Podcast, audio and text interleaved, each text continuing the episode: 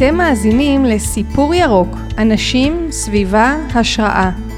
כאן נפגוש יזמי אקולוגיה מרתקים שהובילו מאבק, הגו רעיון או חוללו שינוי. נהיה בצד של התקווה וההשראה. נתעורר כולנו לאחריות, אכפתיות ושמירה על העולם. אני מאיה הודרן, סופרת, מטפלת בכתיבה, מרצה ופעילה סביבתית, ובאתי להרים אותנו עם סיפור ירוק, פודקאסט אקולוגי אופטימי במיוחד. הפעם פרק מקומי על מאבק בתוך הבית ועל איך כוונות טובות של כולם לא תמיד מספיקות. אז כבר נפגוש את קרינה, שתביא את הסיפור המלא וגם איך היא מצאה את הכוחות. ובינתיים אני רוצה להזכיר לכם להצטרף לקבוצת הפייסבוק שלנו בלחיצת כפתור סיפור ירוק, שם תוכלו לשמוע את הסיפורים המעניינים שמאחורי הקלעים, גם של הפודקאסט וגם של האורחים. אז, אני שמחה לארח היום את קרינה רוזנבאום, שעמדה בראש המאבק בברקאי, מטפלת באקותרפיה נשואה, אימא לשלושה. מה העניינים? שלום, היי מאיה, מה שלומך? טוב. איזה קטע, אני חייבת לספר לך מה קרה לי בדרך לפה. יש לי בת, בת בת חמש, ואמרתי לה, זוהר, תאכלי לי בהצלחה, אמא הולכת לראיון. אז היא אמרה לי, מה, להיריון? אמרתי לה, דומה, רק שבסוף באמת ייוולד לי בן ויקראו לו פודקאסט. וואו, איזה הרמה להנחתה פה הבאת עכשיו, יא אללה. אוקיי, אז אה, בואי נתחיל עם ההיריון הזה. אה, שלושה חודשים בחילות ממצבים של אה, אוויר מזוהם בקיבוץ? וואו, שלושה חודשים את אומרת, זה יותר קרוב לחמש שנים, מאבק מאוד מאוד ארוך. התחילו סביב 2016. מדובר במפעל ששכר מקום בקיבוץ ברקאי, ממש בתוך הקיבוץ. מפעל בשם אינפימר, כשאת שומעת מה המטרה שלו זה מאוד uh, מרגש. הוא לוקח פלסטיק ביתי ובעזרת uh, טכנולוגיה חדשנית הופך אותה לפתיתי פלסטיק, שזה ממש להציל את העולם. אני באה ממש מרקע מאוד uh, ירוק, מדריכת טיולים, מורת דרך, מאוד מאוד uh, שימח אותי. וכשהמפעל חתם עם הקיבוץ היו כל מיני חששות של תושבים להכניס זבל לאזור שלנו, מה היו ריחות? אז בחוזה נחתם סעיף שאומר שאסור שיהיה ריח. והמפעל ככה מתחיל לעבוד, נראה שהכל בסדר, מדי פעם יש איזה גלים של סירחון, משהו לא ברור, אבל מסבירים לנו שזאת ההתחלה. בסדר, פה ושם, אבל uh, ברגע שהגלים האלה מתחילים להיות ככה ברמה שממש אי אפשר לנשום, והריח יש לו ריח כימי של פלסטיק שרוף, אנחנו מתחילים להרגיש ש... אה, שמשהו פה לא בסדר. וכשאנחנו פונים אה, לקיבוץ, למפעל, אז אנחנו מקבלים איזשהו דוח פליטות שמראה שהכל בסדר. והם אומרים לנו, אה, ריח זה, אולי את מריחה, אולי יש לך חוש ריח ממש טוב, אנחנו לא מריחים. ובעצם הקיבוץ מתחיל להתפלג לאנשים שמריחים, ולא רק מריחים אלא גם סובלים, אה, ואנשים שלא מריחים. ולך תוכיח ש... שבאמת יש ריח. אנחנו מתקשרים למשרד להגנת הסביבה, אנחנו שולחים להם אה, אה, דוחות, ו, והם באים ואומרים, אין ריח. זה מאוד מאוד תלוי ב, בכיוון הרוח, זה מאוד מאוד הפכפך. ככל שמתגבר הזמן, אנחנו מבינים שזה לא רק ריח, יש גם אה, עיניים שצורבות, ויש גם אה, אה, תחושה של חנק. אנשים מתקשרים אליי ואומרים לי, הילדים שלי מתעוררים בלילה משתעלים. וואו. אנחנו סוגרים את כל החלונות, הריח עדיין נכנס, התינוקת שלי פשוט לא יכולה לישון. מסתכלת על הילדים שיושבים שם בתחנת ההסעות, הם מכסים את, את הפנים עם החולצה. ככה הם יושבים, כי הסירחון הוא כל כך חזק. פונה לאחראים והם אומרים, אין ריח, יש אולי ניחוח. זאת התשובה שקיבלתי. וואו. אז ככה אני, אני, שואלת, אני שואלת את עצמי, מה, מה אני בעצם, מה החלק שלי כאן? המפעל נמצא בכלל בצד השני של הקיבוץ, בחלק המערבי, ואני הבית האחרון הכי מזרחי.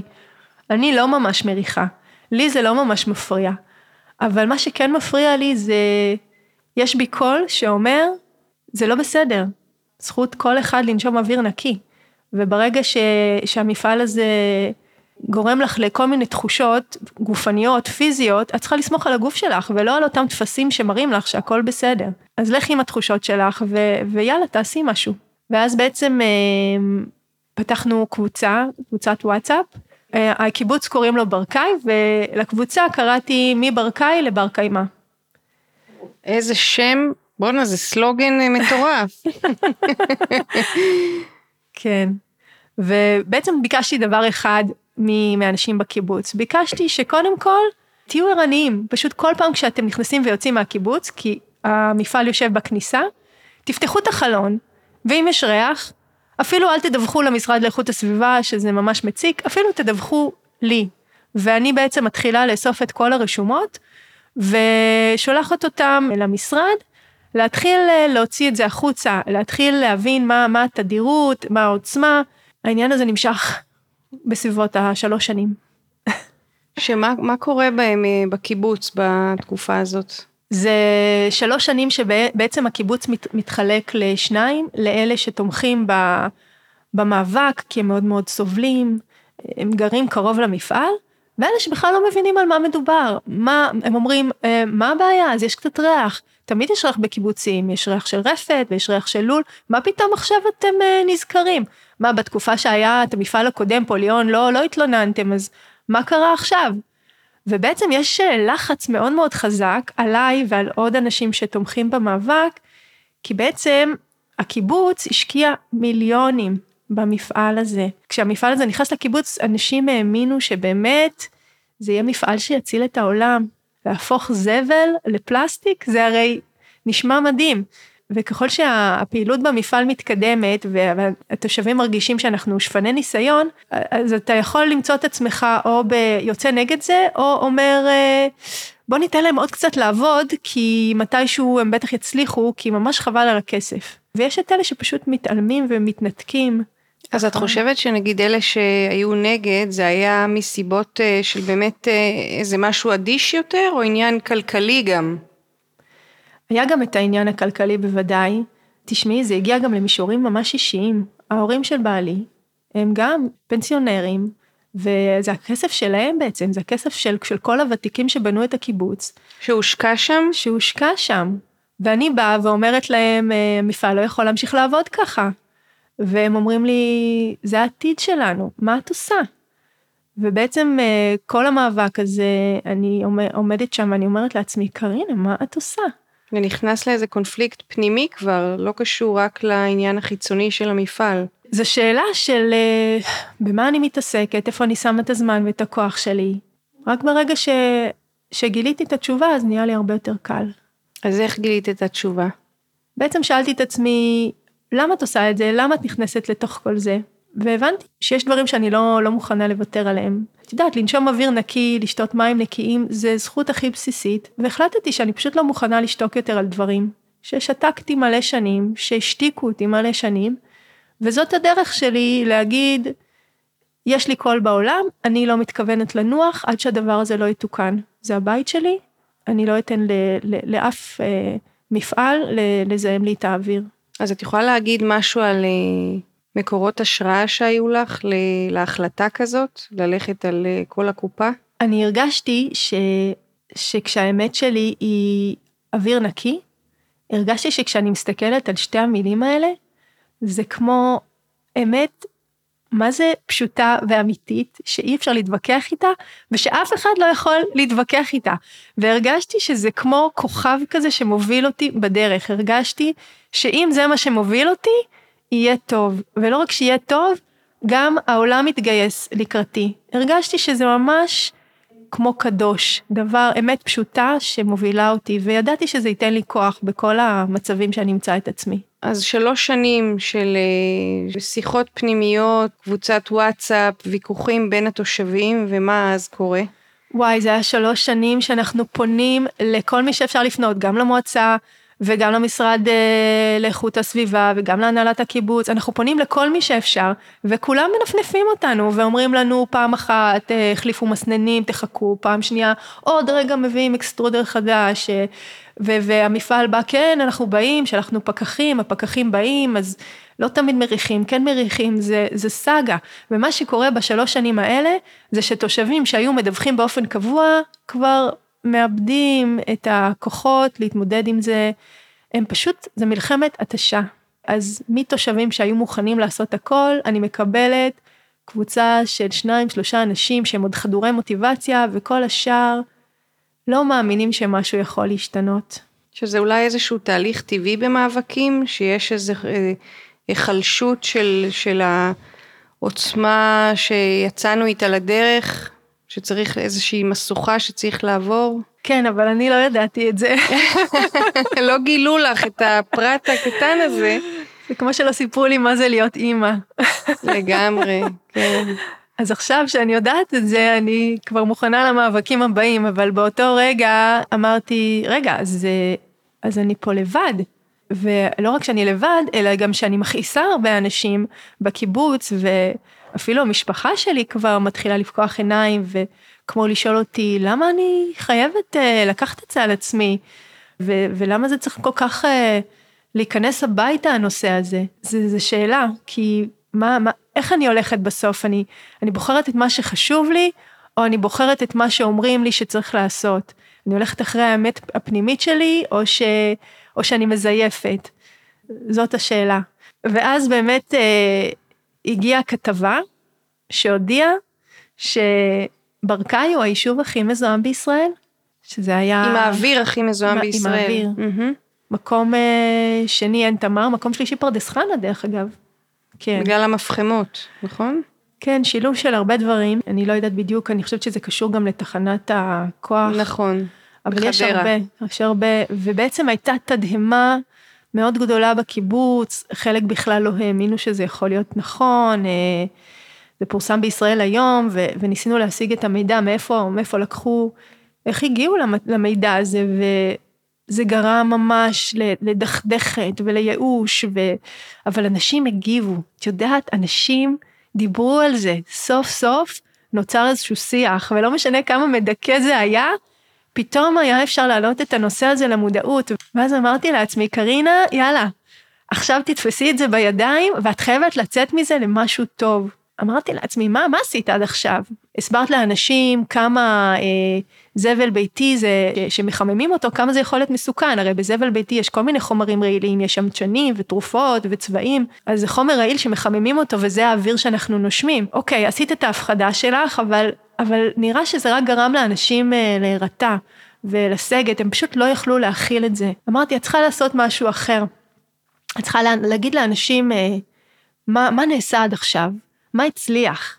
את צריכה לתת להם תקווה, את צריכה לעורר בהם, כמו אותו כוכב הזה שיש לי, את צריכה לתת, לה, את צריכה לתת להם גם משהו שהם יוכלו uh, ללכת לקראתו, איזשהו מקום ש, שיוכל לתת להם את הרצון לתמוך ולעשות. למרות שיש משהו נורא חזק בזה שמישהו אחר חיצוני ולא אני, אומרת את הנתונים האלה, לא? זה יותר חזק משאתם צועקים, פתאום מגיע משהו מבחוץ לגמרי. הוא לא מחזק יותר את הטענה והופך אותה ליותר עובדתית?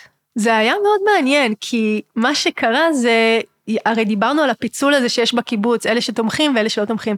אז אלה שתומכים במאבק אמרו, הנה, אתם רואים, זה לא רק אנחנו אומרים, ואלה שלא תומכים במאבק, אה, הם נכנסו לעוד יותר שאננות והם אמרו, אה, הכל שטויות, מאיפה כל הנתונים האלה? זה לא יכול להיות. מה את אומרת? רוצה... כן, זה מזכיר קצת את הפוליטיקה בישראל היום. סוג של הכחשה כזאת.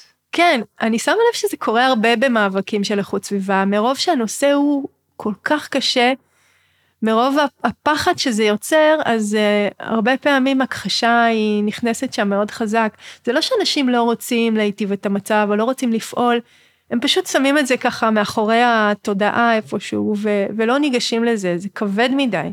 את יודעת, בקשר למה שאמרת מקודם, אז שאני מלמדת ביבליותרפיה, אז אחד הדברים שאנחנו לומדים על גיבורים ספרותיים, זה שהם באיזשהו קונפליקט, הם צריכים בסוף לבחור. וכשאתה בוחר, אתה מוותר על משהו. אז חשבתי על מה שאמרת, על העניין של אה, הבחירה בללכת עם האמת שלך ולא מה שאנשים אומרים לך, שהיא באמת, אה, כל בחירה היא מפחידה, כן? אבל אה, זאת באמת בחירה שהמחיר שלה הוא די מבאס. ממש. גם ב... בתוך הבית, גם המחיר האישי. כן, על זה אני מדברת בעיקר. כן. כשבעלי נכנס הביתה וראה אותי ואת הבת שלי יושבות וכותבות אה, שלטים ענקיים לקראת ההפגנה, הוא לא היה מבסוט מזה, כי הוא בעצם אומר, את לוקחת את הבת שלי ואת מכניסה לה כל מיני דעות ואת הופכת אותה ללוחמנית כמוך, אני לא בטוח שאני אוהב את זה. כן, לא פשוט. אבל הייתה איזו נקודת אור שממש אה, גרמה לי לחייך. שלוש בנות שקראו לעצמם הלוויות ממענית, הם לחמו מלחמה דומה אה, מול מפעל מזהם שנקרא ורדיס. מה ששונה היה שהקיבוץ היה איתם במאבק הזה והיה להם עורך דין ומאבק שלקח הרבה שנים, אבל אה, הם השיגו את הנתונים שהם היו צריכות והם לא ויתרו והם גם ניצחו. והייתי עדה ככה גם לדרך שלהם וגם לניצחון ווואו, זה היה מדהים, זה באמת אה, הוכיח לי שזה אפשרי. אפשרי לנצח, הסבלנות הזאת משתלמת. פרסמתי את זה בקהילה, רציתי שהם גם יחוו קצת מה, אה, מהתקווה הזאת, שזה אפשרי וזה באמת, זה באמת עבד. הכוח של התקווה במאבקים כאלה הוא כל כך חזק. מספיק אפילו איזשהו ניצוץ קטן כדי לגרום לאנשים אה, אה, לצאת לעשייה. אז איך באמת הוצאת אנשים לעשייה אחרי הכתבה הזאת וההדים שהיא עשתה מכל הכיוונים? תמיד דאגתי להראות משהו טוב שקרה, ואחר כך לתרגם אותו לשלושה צעדים פשוטים שכל אחד יכול לבצע. אני ממש מאמינה שאם עושים צעד קטן, אבל שהוא יהיה ממש מדויק בכיוון הנכון, אז uh, בסוף זה, זה מתרגם להרבה צעדים ולדרך שלמה שאנחנו עושים ביחד. אז uh, בהתחלה ביקשתי פשוט לפתוח את החלון ולסמס לי מה, אם יש ריח או אין ריח. אחר כך הדיבורים uh, כבר התחילו לדבר על להוציא את העניינים החוצה לתקשורת. הבנו שעם כל הצער שבדבר אנחנו לא מצליחים לפתור את זה לבד וכל הרצון של הקיבוץ שזה יישאר ככה בפנים זה לא מזיז את העניינים, חייבים לצאת לתקשורת. ופה בעצם הייתה, זה הייתה החלטה, אה, החלטה לא פשוטה, כי זה קצת כמו לכבס את הכביסה המלוכלכת בחוץ, וזה איך הקיבוץ נתפס, וזאת אני, קרינה, שגורמת לקיבוץ להתאפס כמו הפח זבל אה, מספר אחד בארץ. ככה אנחנו באמת מתכוננות לה, להפגנה, אני וצוות איכות סביבה, ועם הבת שלי כותבות שלטים, והנה בערב, כמה שעות לפני ההפגנה למחרת בבוקר, אני מקבלת שיחת טלפון גם מראשי המפעל וגם מ... אה, מראשי הקיבוץ, את רואה, הקול שלי קצת רועד, כי, כי יש פה גם אלמנט של, אה, אה, יש פה אלמנטים של הרתעה והפחדה, שזה מאוד מאוד לא נעים להיות בסיטואציות האלה. אני מתארת לעצמי. כן, כי בעצם פונים אליי באופן אישי, באים אליי הביתה, ומבקשים ממני לא לקיים את ההפגנה הזאת מחר. והם אומרים לי שאו-טו-טו המפעל עובר אה, למקום אחר, ושאני פשוט צריכה לתת להם עוד קצת זמן, ומה תעשי עכשיו? וואו. כן, זה לא פשוט. הם אמרו לי, יש לנו טפסים חתומים של המפעל שעובר. אז אמרתי, טוב, זה מה שרצית, לא? רצית שה, שהמפעל יעבור למקום אחר, או, אבל מה, שם הוא לא יזהם? שם הוא לא יגרום נזק? אז אה, אני באמת הולכת אחרי האמת הפנימית שלי, או שאני פשוט אה, מקס... מטייחת? זו שאלה. בסוף החלטנו באמת לא לקיים את ההפגנה. מה את אומרת? וואו. ומה שגילינו, ממש כמה חודשים אחרי זה, שבעצם מעולם לא נחתם המסמך, מעולם הם לא התכוונו לעבור, לא יודעת, התכוונו, לא התכוונו, בסוף הם לא עברו, ו- וכל הזמן פשוט ניסו למשוך זמן. וואו. ואז החלטנו לקיים הפגנה. אבל הפעם הפגנה גדולה, כמה שיותר, עם כלי תקשורת ו... אה, וצלמים, ומה שעשיתי פשוט הוצאתי את כל התחושות הקשות האלה של, ה... של ההפחדה, של ההרתעה, של החוסר אונים, של, ה... של להרגיש שם לבד. פשוט כתבתי את זה לקהילה בקיבוץ, ותרגמתי את זה למעשה, קראתי לכולם לבוא להפגנה. ואני מתה מפחד שאף אחד לא יבוא. כי בפועל, היינו, אני אומרת לך, רק איזה כמה אנשים מצומצמים שבאמת דיווחו. הרוב היה דומם, הרוב שתק. זה היה מאוד מפחיד. להזמין את כל העיתונאים והצלמים האלה, ובסוף אני יחידה עומדת שם עם עשרה שלטים. זה פחד. זה גם פחד כי זה, מה זה אומר עליי? מה זה אומר עליי שאני נלחמת בתחנות רוח, שאני מוציאה על זה את הזמן שלי, ש, שבעצם אני לא עושה כלום. כל המאמץ שלי הוא לחינם, אז uh, אני קצת מתרגשת. אז בבוקר של ההפגנה באתי עם העשרה שלטים האלה שהכנתי, ועם הבת שלי, בשעה הנקובה אין אף אחד. אוי ויי. כן, והנה באים עוד שני ילדים. בסדר, ילדים. אני גדלתי בבית שאומר שילדים זה פחות ממבוגרים. והנה עוד כמה ילדים מגיעים, בסדר, נעשה הפגנה של ילדים. מי יתייחס אלינו ברצינות? הנה בא איזה צלם לצלם אותי ועוד ארבעה ילדים. מדהים. זה מה שיצא בסוף. פתאום אני רואה נחיל. מה זה נחיל? המוני ילדים שועטים עם בגדים צבעוניים ושלטים, ואני אומרת, לאן הם הולכים? אני לא קולטת אני לא קולטת שהם באים אליי, שהם באים אלינו, שהם הם מתאחדים, שאנחנו מתאחדים. הילדים האלה זה, זה, זה ילדים ונערים, וחלק מביאים עם מסכות, ואז לפני עידן המסכות, מסכות אב"ח ומסכות, אה, וכולם עומדים שם עם השלטים, ואמרתי, טוב, אני, אני אגיד להם את הסלוגן שהגיתי בבית, ואני אומרת להם, וכולם שרים את זה בהתלהבות. ולא מפסיקים, שוב ושוב ושוב, הם כולם חדורי כזאת מוטיבציה. אני, אני כולי בהתרגשות, ואני אומרת, קרינה, זה לא ילדים, זה, זה, זה העתיד שלנו. זה העתיד שלנו. המבוגרים הם, הם היו באיזשהו נתק, או לא ידעו מה לעשות עם כל הדבר הזה, אבל הילדים מבינים מה זה אוויר נקי. הם אלה שיושבים שם בתחנת אוטובוס וסופגים את כל הרעל הזה. הם באו להילחם ולהגיד לנו, לנו, לכל המבוגרים ולתקשורת, אנחנו לא מוכנים שתתנו לנו עולם כזה. אנחנו לא מוכנים לוותר על הדברים הכי בסיסיים.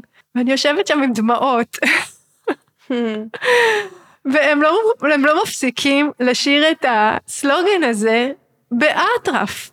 ובאים צלמים וגופי תקשורת וגלי צה"ל ורינו צרור ויהיה בסדר ו... והארץ וגם אחרי שההפגנה נגמרת הם עומדים שם וצועקים והם לא מוכנים להתפנות. אני חושבת שהיה בזה משהו מעבר גם, מעבר ל...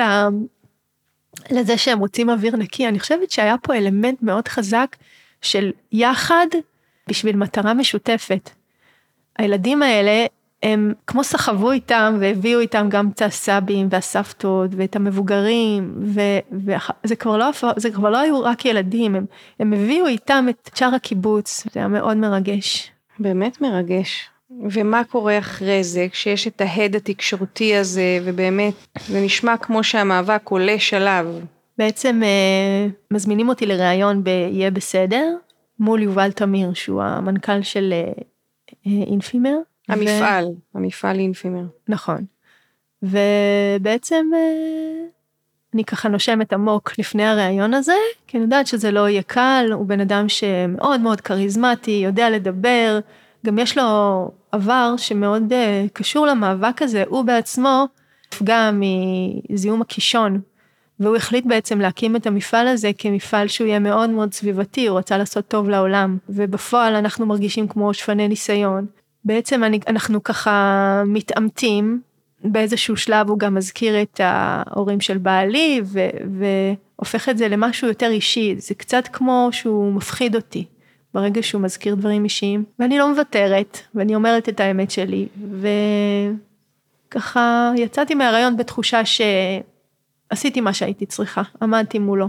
מה התשובה שלו לטענה הזאת לגבי האוויר, ואז אם את אומרת שהוא מגיע בעצם מאותו, מאותה אסכולה, זה לא זר לו עניין איכות הסביבה. אני באמת לא יודעת, אני חושבת שהוא הוא רצה לעשות טוב, אבל uh, משהו שם מתפקשש, יש לו איזה, איזה טיעון נגד כשאת אומרת את מה שלך יש להגיד? הוא אומר ש, שזה פשוט תהליך ושצריך לתת לזה לקרות. אני אומרת שעצם זה שלוקחים אה, מפעל שהוא אה, יוצר כאלה ריחות וזה ליד תושבים, זה, זה לא הגיוני, זה לא, לא מקובל, אנחנו לא יודעים מה יש ברכיבים של הזבל. אנחנו לא יודעים מה קורה כשמחממים את כל התערובות האלה ביחד. אנחנו רק יודעים מה שהגוף שלנו אומר, שהעיניים צורבות ושקשה לנשום, אני חושבת שזה מספיק, לא צריך שום דבר מעבר לזה. מה שכן, הגוף שלי רעד uh, כל הראיון, כי ככה איפה שאני גדלתי יש uh, בעל סמכות, שזה בדרך כלל גבר עם איזשהו תואר, פה אני מדברת עם גבר שהוא מנכ"ל, וכמו אוטומטית אני מרגישה מיד קטנה מולו, או אפילו ילדה מולו, אבל, אבל אז כאילו כמו, ידעתי שהילדה הזאת, היא לא פחות שווה ממנו. היא יודעת שהדברים הבסיסיים הם הדברים שעליהם אסור לוותר. אז אולי, אולי כן הייתי גם ילדה, אבל, אה, אבל מצאתי את הכוחות שמה, בתוך המקום הזה, להגיד מה הגבולות שלי, מה אני לא מוכנה שיקרה. זאת אומרת שאת את אומרת בעצם שבמקביל לתהליך של המאבק החיצוני, יש גם איזשהו תהליך פנימי שאת עוברת.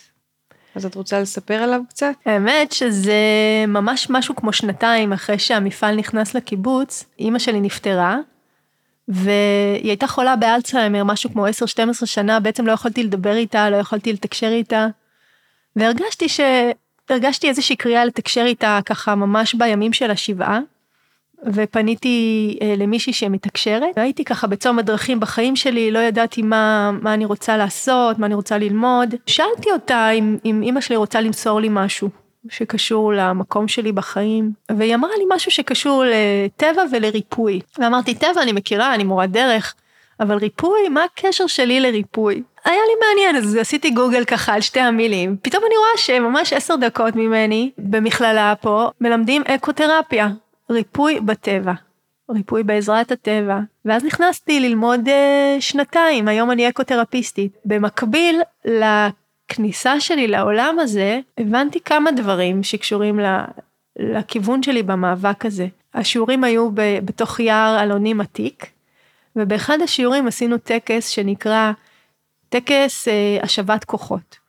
כל אחד היה צריך לבחור איזושהי איכות שנלקחה ממנו או שנשכחה, ולבנות איזשהו חפץ מהטבע כדי להשיב את האיכות הזאת. ולי מאוד בער להשיב את הקול שלי חזרה. Uh, כילדה הרגשתי שלא מקשיבים לי או לא מחשיבים את הדעה שלי, רק דעה של מבוגרים נחשבה, רק דעה של גברים נחשבה, ובאמת יצרתי לי איזשהו חפץ. וזה אחד הדברים ש, שהבילו אותי לתחושה של אני לא מוכנה לשתוק יותר. Uh, במאבק הזה אני אגיד את הקול שלי ואני אגיד את האמת שלי. כחלק מהלימודים, אז uh, כמובן שאנחנו עובדים עם כל מיני קולות שיש לנו בתוכנו, ואחד הקולות הכי חזקים שיש לכל אחד מאיתנו זה הקול של הילד הפנימי שלנו. ואצלי הילדה הפנימית הייתה מאוד מודחקת. כשהייתי ילדה קראו לי קרן, ואני עשיתי עליה איקס גדול בגיל 12 והחלפתי את השם לקרין, אמרתי אני לא קרן יותר. ובלימודים האלה בעצם חזרתי חזרה אל קרן, אל מי שהייתי, עשינו שלום, התחבקנו, זה היה תהליך ארוך. אבל חלק מהמאבק הזה היה באמת אה, להגיע לקרן, לאותה ילדה, ולהקשיב לה, לתת לה להנחות אותי. אז איך היא הנחתה אותך בהקשר של המאבק? היא אמרה לי פשוט, אה, מה חשוב לך? חשוב לך אוויר נקי? זאת אמת? זאת האמת שלך? לכי עם זה עד הסוף, תראי שבסוף זה יסתדר. ממש כמו שילדים אומרים, אה, מה שהם צריכים, מה שהם רוצים, הם יודעים מה נכון ומה לא נכון. היא אמרה לי, זה מה שנכון? אז לכי על זה. וזהו. בפשטות, פשוט. זה נשמע פשוט, בפועל זה לא פשוט, אבל כן, זה משהו ש... שמכוון, שנותן כן, לי כוח. אבל זה כן, זה רגע של uh, כוונון פנימי כזה, שנותן כוחות להמשך. לגמרי. התחלת לדבר על האלימות של האקותרפיה, אז מה זה בעצם? אני רואה בזה תהליך של אה, היזכרות. זאת אומרת, כשאני אה, פוסעת בתוך היער, ואני ככה לוקחת את, את הזמן, אני שמה לב שהכל מאט. גם הנשימה שלי, הקול שלי, משהו מתרכך, הקצב, כשאני נוגעת בסלע, באבן, בעץ, אני כמו נזכרת בשפה עתיקה שידעתי לפני, אולי עוד לפני שנולדתי. בעצם מרגע שאנחנו נכנסים לתוך היער, הטיפול מתחיל. זה יכול להיות באיזושהי אבשת רוח שעוברת, בדיוק ברגע שאת אומרת איזשהו משהו. זה יכול להיות עלה שרגע נופל ורגע ממש נופל לך לתוך היד. וכל הדברים האלה זה, זה כמו רגע ההסכמה להתבונן בהם, להסתכל מה, מה, מה, מה עליה זה בא לספר לי כרגע, מה הרוח הזאת אומרת לי, ובעצם זה כמו הזדמנות להוציא קולות פנימיים ו, ולעבוד איתה ממש תוך כדי זה שהדברים קורים. אז בפועל אנחנו יכולים לעשות uh, עבודה טקסית כמו שדיברתי על להשיב, להשיב כוחות שנלקחו לנו.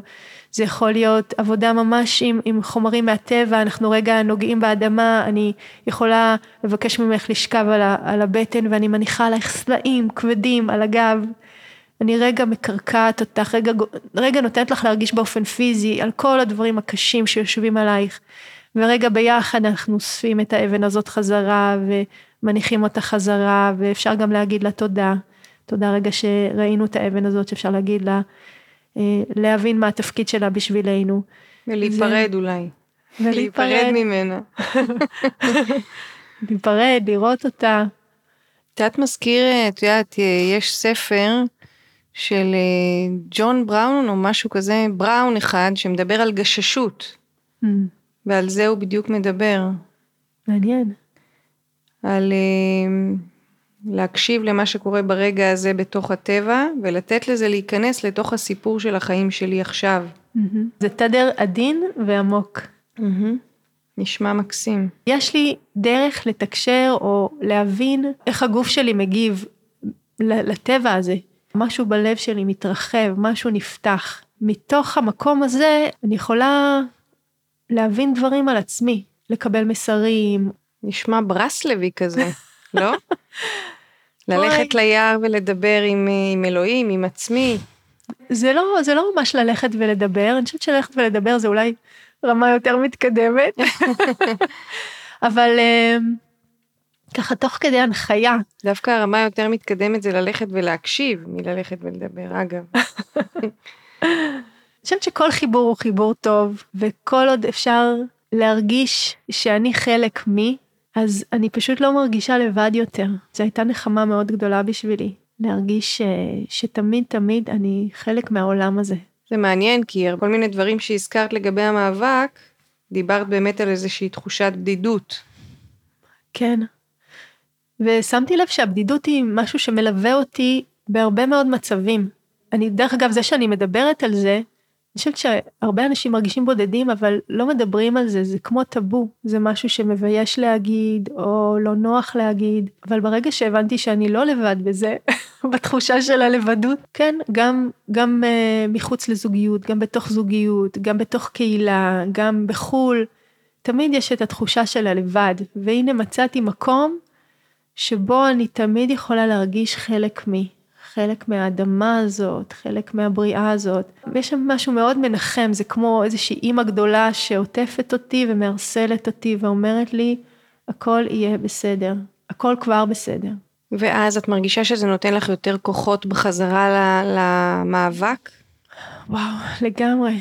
זה גם מאוד מקרקע אותי בתחושה הזאת של אם אני יודעת שהכל יהיה בסדר, אז אני יכולה להרשות לעצמי לא להיות מוטרדת, להיות פחות מיואשת, ואני גם יכולה להרשות לעצמי למנן את המאבק הזה. זאת אומרת, כל פעם קצת, אין לאן למהר, כל פעם קצת וזה גם בסדר. ולסלוח לעצמי על זה שאני לא בקצב שאני, שהייתי רוצה. זה גם פותר באיזשהו אופן את הקונפליקט שהיית שרויה בו, בעניין בין האישי לציבורי? כן, אני חושבת שמה אה, שמלווה אותי זה כמו להסתכל ככה בעתיד ולהגיד, את שלמה עם עצמך, את תתחרתי על מה שעשית, ופשוט להיות במקום שלא מתחרט. ואם אני הולכת אחרי הלב שלי, איך אני אתחרט על זה? אי אפשר להתחרט על זה. אחרי ההפגנה ואחרי כל התקשורת, אז uh, היה אפשר לראות שהתדירות של הריח היא לא הייתה באותה תדירות. פתאום אנשים, uh, פתאום התחיל גל של פיטורים שם במפעל, ומשהו קרה. היו תוצאות בשטח, וזה מאוד אושש את התחושה שלי ש... שאם אני הולכת אחרי האמת שלי, אז, אז המציאות, אה, זה מתרגם במציאות. זה מאוד מרגש לראות את זה כל פעם קורה שוב.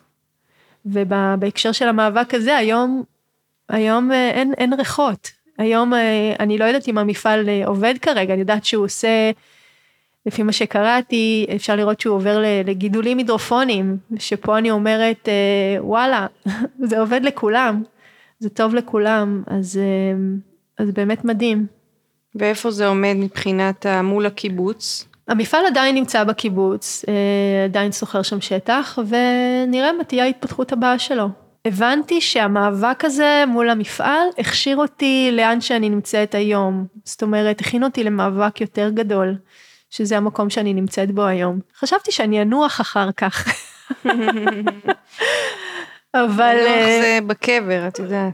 כן, אבל אחד הדברים ש, שעשתה יציאה לתקשורת היא שהרבה אנשים התחילו ליצור איתי קשר מכל מיני מקומות, הרי אין מקום שאין בו איזשהו מפגע, ובעצם הבנתי ש, שיער עירון ו, ומחצבת ורד והעיר חריש, הם כולם קומפלקס ענק שעומד אחד מול השני, וזה כמו איזושהי פצצה שעומדת להתפוצץ.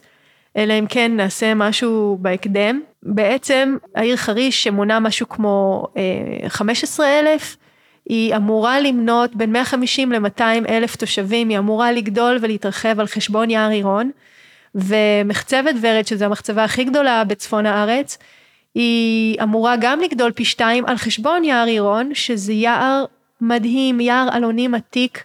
בדיוק קק"ל הציבה שם מצלמות ועשתה שם אה, סקר אקולוגי והם מראים לנו חיות מדהימות שיש שם. יש שם גם יונקים גדולים כמו אה, אה, הצבי הארץ ישראלי ויש שם גם דלק ותנים ושועלים ועופות דורסים ובעצם זה מסדרון אקולוגי. תגידי מה זה מסדרון אקולוגי? לא, כי אני, אני יודעת, נגיד בחו"ל, שיוצרים כל מיני מסדרונות אקולוגיים על כבישים, שבהם בעלי חיים יכולים לעבור מתחת לכביש ולא למות. נכון, וככה הם נכון. עוברים מאזור ירוק אחד לשני. וואי, תיארת את זה יפה. אז בפועל, שלא בכביש, יש בעצם כמו אה, עוגנים טבעיים שבהם קורים אה, חיים, יש, אה, יש כמו פירמידה והיררכיה כזאת של טבעית, ובגלל כל הבנייה המסיבית והכבישים שחותכים באמצע, זה כמו תאים כלואים כאלה, שאם את לא מחברת אותם לתא אחר, אין הזדווגות בין פרטים, אין חיים. ובעצם יער עירון הוא סוג של מסדרון אקולוגי כזה שמחבר בין בין הצפון למרכז, בין הצפון למזרח, ואם לא יהיה את המעבר הזה, זה בעצם את מגדלת שטחים שיהפכו להיות שטחים מתים, שלא יוכלו להתרבות בזכות עצמם, אז mm-hmm. יש לזה משמעות שהיא הרבה מעבר לרק יער. בלי המעברים האלה, החיות לא יכולות לעבור ממקום אחד למקום אחר, וזה פוגע אנושות ביכולת שלהם לגדול. יש מינים שהם בסכנות הכחדה, שאם אה, לא נעצור רגע את ההתפשטות עכשיו של הבנייה, זה לא יישאר לנו, פשוט. זה באמת קורה בכל מקום, הרי יש עכשיו את המאבק ביער ירושלים, שיש העדפה נורא גדולה לבנייה, ומקלים ראש עם אה, כריתה של עצים. גם בתוך משבר האקלים שאנחנו נמצאים בו עכשיו. כן, זה קשוח. ללכת שם ביער, אה, להרגיש את כל, ה, את כל הטבע החי הזה. למרות הבנייה הגדולה שכבר נעשתה בחריש, יש שם כל כך הרבה חי וצומח ממש uh, מופלא. וצריך לזכור שזה לא הסוף, זאת אומרת, אם בתוכניות חריש אמורה להתפתח, יש המון מאבקים שניצחו בזכות מספיק אנשים שבאו ואמרו די. יש אירוע גדול של אה, קק"ל והחברה להגנת הטבע, הם עשו שביל מקסים מקסים מקסים שמתאים גם לרוכבי אופניים וגם למשפחות, שהולך מסביב למחצבה, פשוט לבוא לטייל, ובעצם זה שאנשים מגיעים, הם אומרים, אנחנו לא מוכנים לתת יד להרס של אה, בתי הגידול האלה, של המסדרונות האקולוגיים, של היערות המופלאים האלה, שהם פה כבר כל כך הרבה שנים. מספיק שכל אחד יבוא ויביא את המשפחה שלו, זה שינוי ענק. אז איפה את בתוך המאבק הזה? המאבק הזה מאוד יקר לי, גם בגלל שזה אזור שנמצא ממש אה, מזרחית אליי, מאוד קרוב אליי פיזית. גם המחצבה, המחצבה היא קיבוץ ברקאי, אה, אום אל-קוטוף, ברטה, קציר, כל היישובים מסביב מאוד מאוד סובלים מהמחצבה. אין לנו שום אינטרס שהמחצבה הזאת תגדל. להפך, המחצבה הזאת אמורה לעבוד, לחפור למטה, לעומק, ולא להתרחב. זה יהיה אסון, אסון ממש אם המחצבה הזאת תתרחב. אני לא מתכוונת לתת למחצבה הזאת אה, לגדול, ואני חושבת שזו תהיה טעות היסטרית בכל המובנים. אז יש לי פה הרבה מה לעשות במאבק הזה. אז הפעילות היא מה, מחאתית באיזה אופן? יש פה עניין משפטי, יש פה הפגנות, אה, התארגנות מסודרת, איך זה עובד? כרגע, לפי ועדת היגוי שהתאספה, יש צפי להגדיל את חריש, שאחרי שהמחצבה תסיים את הפעולה שלה, במקום שהיא תעבור שיקום ותהפוך להיות פארק כמו מקומות אחרים בארץ ובעולם, מתכוונים להפוך אותה למטמנה של זבל, ועליה אה, לבנות בתים בחריש. ככה שזה הזוי. מבחינתי זה הר שלקחנו ממנו כל הזמן, לקחנו ממנו אבנים לבנייה, וברגע שאנחנו, שההר הזה כבר לא מספק, אנחנו בועטים וזורקים עליו את כל הזבל. במקום רגע להגיד לו תודה, במקום רגע להפוך אותו לאתר של נופש ופנאי שכל כך חסר במרחב שלנו. יש שם עופות שמקננים על המצוקים ש, אה, של, ה, אה, של המחצבה, זה כל כך יפה לראות שהחיים מתחילים לחזור להר אחרי שלקחנו ממנו. רגע לתת שם אה, נחת, רגע לראות מה עשינו ולסדר את זה, את יודעת, לעשות טוב. אז את יודעת איפה זה עומד עכשיו? כי בסופו של דבר כל המאבקים הם קשורים ב... ליזמים, לכסף, לאנשים שמתנגדים לרעיון הפשוט של אה, לשמור על הסביבה. בואי אני אגיד לך מה שאמר לי אה, ראש מחוז צפון אה, באיכות הסביבה. המשרד, ולא רק המשרד, הממשלה, מקשיבים למי שצועק הכי הרבה. אנשים יצעקו, אנשים יילחמו, אני מבטיחה לכם, חריש לא תגדל על חשבון וואו. היער. המחצבה לא תגדל על חשבון היער. מספיק אנשים שיתאספו ויצעקו, זה, זה כוח פוליטי. אני מאוד מאמינה שזה ככה. פשוט, אם אכפת לכם, תעשו. תעשו צעד קטן. אפילו תגיבו ל, אה, לכתבה, תגיבו, אה, תשתפו, תצטרפו להפנינג שיש, תסתכלו בקק"ל ובחברה להגנת הטבע, מה יש להם להגיד על יער עירון. אבל כל אחד שעושה משהו קטן, זה עוד, זה מצטבר להדי ענק שמשפיעים. היום שאת מסתובבת ברחבי הקיבוץ, אז איזה, איך מסתכלים עלייך? אחרת מפעם? שאלה טובה, תמיד קשה לי להגיד מה אנשים חושבים עליי. יש כאלה שאומרים לי תודה, יש כאלה שמסתכלים עליי ככה אולי גם וגם, קשה לי להגיד. הקיבוץ מעריך את זה? את חושבת את, ה, את הפעילות הזאת? הקיבוץ חש אכזבה, אכזבה מכך ש... שלא הייתה פה איזושהי רווחה כלכלית, שההשקעה לא התרגמה ל... למשהו שבו נוכל אה, לתת עתיד אה, לוותיקים. אז אה, ההצלחה נבלעה שם בתוך המפח נפש הזה, הוא יותר חזק המפח נפש. זאת אומרת, היה שם הפסד כספי גדול. כן, אבל מה שכן קרה, אני חושבת שהקיבוץ בוחן היטב ותחת זכוכית מגדלת כל מפעל שנכנס עכשיו לסקור. אה, ממש אה, בודקים את כל התנאים הסביבתיים ו... אה, ולא ייתנו לדבר כזה לקרות. יכול להיות שאני, שאני תמימה, אבל יש לי תחושה שזה השינוי שנעשה. טוב, זה גם הרבה. כן. לחשוב על העתיד, לברור. לגמרי, להבין ש... שאנחנו תושבי ברקאי כן רוצים בר קיימא, אנחנו מכוונים לשם לגמרי.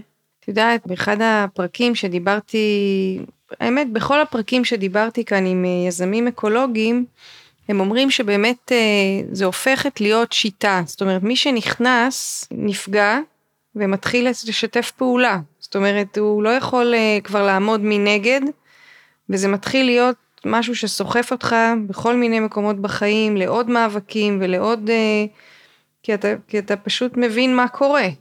שברגע שאתה, מת, כמו שאומרים, שאתה, כשאתה לוקח את הגלולה האדומה, אתה מתעורר וזהו, אין דרך חזרה. וואי, את נוגעת פה מה זה בנקודה. אני יושבת בחדר עבודה שלי, יש את הדמות הזאת שאומרת לי, המחצבה, המחצבה, יער חירון, את חייבת לעשות משהו, ויש דמות אחרת שאומרת לי, לא, אבל את חייבת לכתוב את הפוסט הזה, או לשווק את זה. ואני אומרת, אבל מה, אחד, אחד על חשבון השני, ואיך, איך, יש כל כך הרבה דברים לעשות. זה מזכיר לי מצגת ששמעתי של, של ביל גייטס. הוא אמר, כשהלכתי ללמוד קליגרפיה, אנשים הסתכלו עליי כאילו אני אבא, על מה אני אעשה עם קליגרפיה? והלכתי ללמוד את זה, ואת זה דברים לא קשורים. הוא אומר, בסוף כל הנקודות האלה מתחברות. ובאמת אני מרגישה שזה שלמדתי מורה דרך, וזה שלמדתי גרפיקה, וזה שעשיתי את האקותרפיה, ולמדתי לעבוד עם הקול שלי, ו- ולמדתי לעבוד עם הילדה הפנימית שלי, זה הכל בסוף מתחבר לקראת מה שאני עכשיו. אז אה, כל עוד אני הולכת ככה עם מה שמושך אותי, בסוף אה, זה יסתדר. כשניסיתי להיות מנהיגה, כמו שאני רואה מנהיגה, לקרוא לאנשים, קדימה, תתארגנו, אתם לא רואים שככה וככה, וקראתי להם לפעולה, אז אה, זה מה זה היה כישלון. אנשים רק נרתעו מזה יותר והתבצרו יותר בבתים שלהם, וזה היה מפח נפש. ו... ואז אמרתי, אני, למה אני הולכת לתפקיד שהוא בכלל לא, שהוא כל כך uh, מוציא ממני אנרגיה? למה אני פשוט לא מי שאני? למה אני פשוט לא רושמת את מה שחשוב לי, מה שאני מאמינה בו? ו, וכותבת לאנשים שאני מאמינה שאפשר לעשות, ובואו נעשה את הדברים הכי פשוטים, ולטעת תקווה. וזה מצאתי שזה עובד לי יותר. מה התחזית האופטימית שלך בתחום שאת מתעסקת בו? בהקשר של המאבקים ואולי בכלל? אה, אני מאוד מאוד אופטימית, כי אחרת אי אפשר לנהל מאבקים. באמת? את חושבת שזה... כי לפעמים נראה שמה שדווקא מוביל מאבקים כאלה זה ייאוש.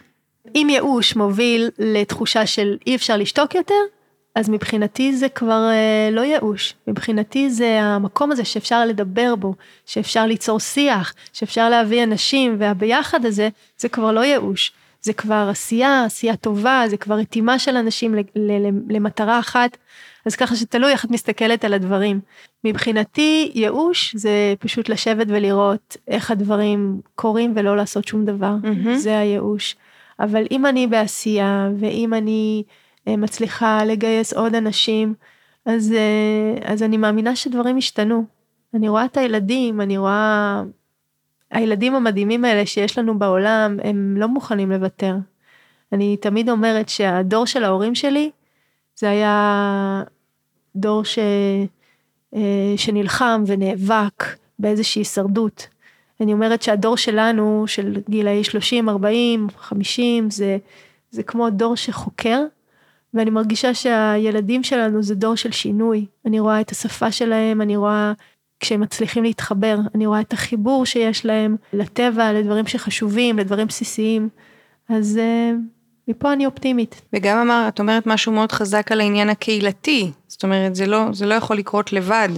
נכון, וגם רציתי להגיד על הלבד הזה, שבאותם רגעים שאני עומדת שם, בגשם, עם המטריה, בקור הזה, מול המפעל של אינפימר, מחכה לתת פליירים לאותם אה, אנשים משקיעים כדי לספר להם על המפעל.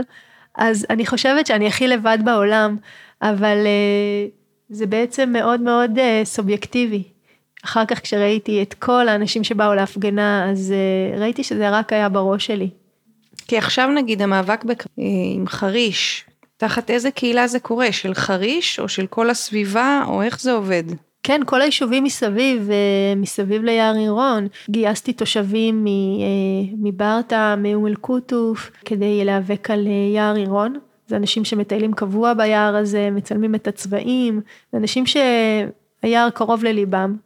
אה, גם תושבי חריש. אז ככה שכל המרחב הזה של, של עירון זה החצר האחורית. אני חושבת שקהילה באיזשהו אופן היא תמיד רוצה להתאגד סביב משהו משותף, רק תן לה את התירוץ, רק תן לה את, ה, את המשהו הנכון הזה שירגיש לה נכון והיא תבוא ותתאגד איתו. הזכרת את היישובים הערבים האלה, את חושבת שיש הבדל ביחס אה, היהודי והערבי לעניין של איכות הסביבה? היה אה, קל לגייס? איך בכלל הגעת לדבר הזה? אה, שאלה טובה.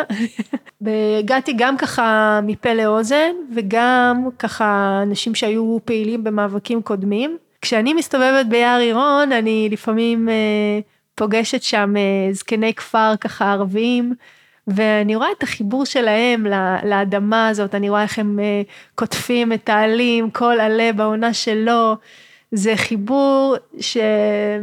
חיבור מדהים שאולי אנחנו כבר שכחנו אבל הם אה, מקיימים את המסורת הזו שנים. אני חושבת שגם שם יש הרבה מאוד אה, חוסר אמונה במאבקים להצליח ודווקא בגלל זה החיבור הזה הוא כל כך חשוב, כי ברגע שאנחנו עושים חיבור שהוא על בסיס אה, שמירת טבע, ואנחנו מראים שגם יהודים וגם ערבים, אין פה מחסום, יש פה אפשרות להגביר את היחד, אז זה מאוד חזק. כן. טוב, קרין רוזנבאום, תודה רבה. זה היה נורא מעניין, וגם הקשר בין הסיפור האישי למאבק, תמיד יש שם משהו, נכון? תמיד מדגדג משהו מתוך הסיפור שלי לתוך מה שאני עושה. כן, ואני גם חושבת איזה, איזה מרענן וכיף זה לגלות את זה ביחד, שזה קורה ככה במקביל. תמיד אה, כשקורה משהו אז אני שואלת את השאלה, אה, מה עוד יש לי שם לגלות? זה נשמע כמו משפט טוב לצאת איתו לדרך. לגמרי. אז תודה רבה. בכיף. תודה שהאזנתם. דרגו אותנו באפליקציות השונות כדי שהסיפורים האלה יגיעו לעוד ועוד אנשים. להתראות, מאיה הודרן.